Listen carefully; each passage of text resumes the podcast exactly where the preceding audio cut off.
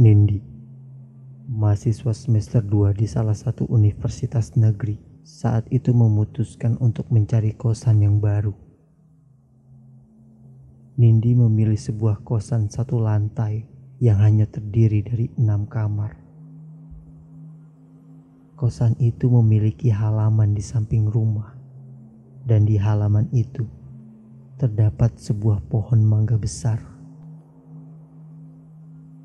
Ketika Nindi pertama kali datang ke kosan itu, pohon mangga yang ada di halaman memberikan kesan yang menyeramkan bagi Nindi. Dan sialnya, Nindi mendapatkan kamar yang jendelanya langsung menghadap pohon mangga itu. Bagi Nindi, kosan itu tidaklah buruk, namun hanya pohon mangga itulah yang memiliki hawa yang berbeda. Sampai akhirnya, Nindi mulai merasakan gangguan-gangguan saat berada di kosan itu.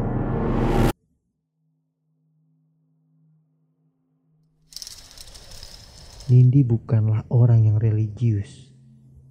Namun semenjak mendekati ujian nasional tahun lalu, dia jadi sering sholat tahajud. Kebiasaan itu terus Nindi lanjutkan selama kuliah. Gangguan yang pertama kali Nindi alami adalah saat dia hendak melakukan sholat tahajud. Sekitar pukul 2 dini hari, dia terbangun dan lekas mengambil wudhu. Nindi yang sudah menggunakan mukena lantas memulai sholatnya.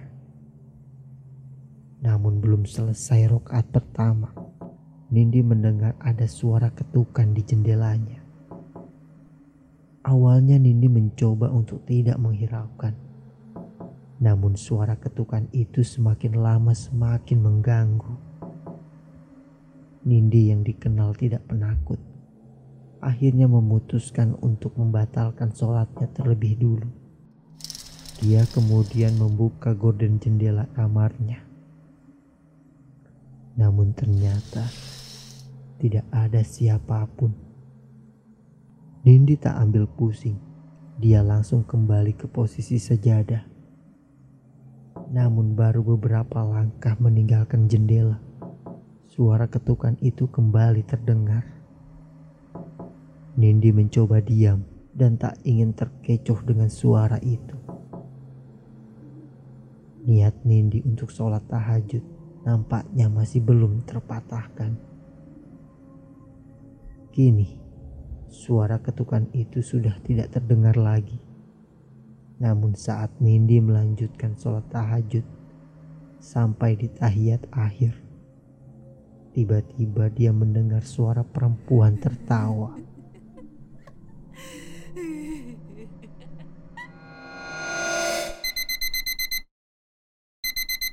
Satu minggu setelah kejadian itu, Nindi yang sempat ketakutan untuk sholat tahajud akhirnya memberanikan diri untuk kembali sholat. Persis jam 2 dini hari, alarm kembali membangunkannya.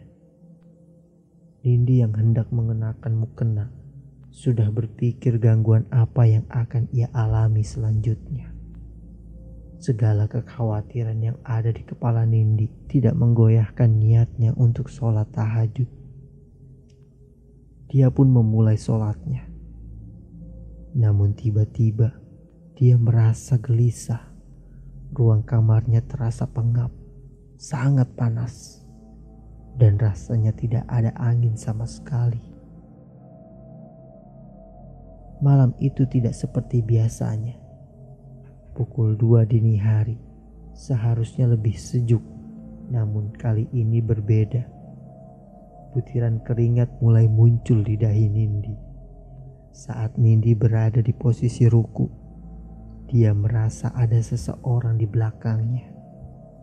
Dia mendengar suara gerakan dan gesekan mukena.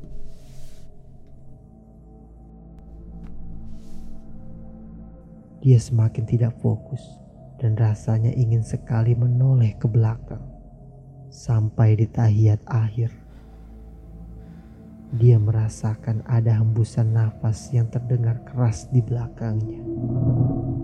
Nindi mulai bingung, entah apa yang harus ia lakukan. Sementara bacaan tahiyat akhir sudah selesai. Nindi menjadi takut mengakhiri sholatnya. Jantungnya berdegup kencang. Dengan perasaan yang was-was. Nindi mengakhiri tahajud tanpa berzikir. Dia langsung membalikan badannya dengan cepat untuk melihat siapa yang ada di belakangnya. Dan ternyata tak ada siapa-siapa. Nindi bernapas lega Suasana kamarnya sudah kembali normal. Dalam hatinya, Nindi bersumpah serapa bahwa akan pindah kosan di akhir bulan.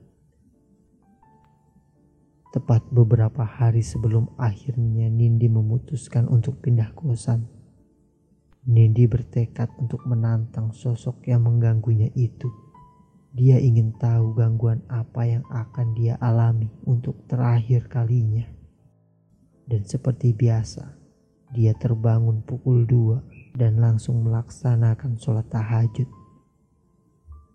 Anehnya, selesai rokaat kedua, dia tidak mengalami gangguan sama sekali. Sholatnya begitu lancar. Nindi kemudian berdiri kembali untuk sholat tahajud yang selanjutnya. Hingga sampai tahiyat akhir, dia tidak mengalami gangguan apa pun. Semua tampak normal. Nindi yang bingung sekaligus kesal akhirnya menutup tahajud dengan berzikir. Namun di pertengahan zikirnya, dia tiba-tiba merasakan ada sosok yang berdiri di belakangnya. Perasaannya mulai tidak enak. Nindi mulai beristighfar terus-menerus dengan mata yang tertutup. Dan ketika dia membuka mata, ada sosok di sebelahnya.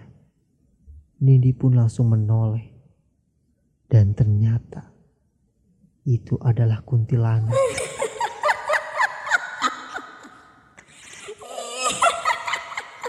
Wajahnya hancur dan bernanah. Jaraknya hanya sejengkal dari wajah Nindi. Dan perempuan itu berucap, Astagfirullah, astagfirullah,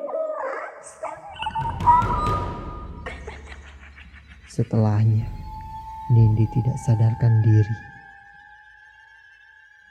Dia terbangun pagi harinya di atas sajadah dengan jendela kamar yang terbuka.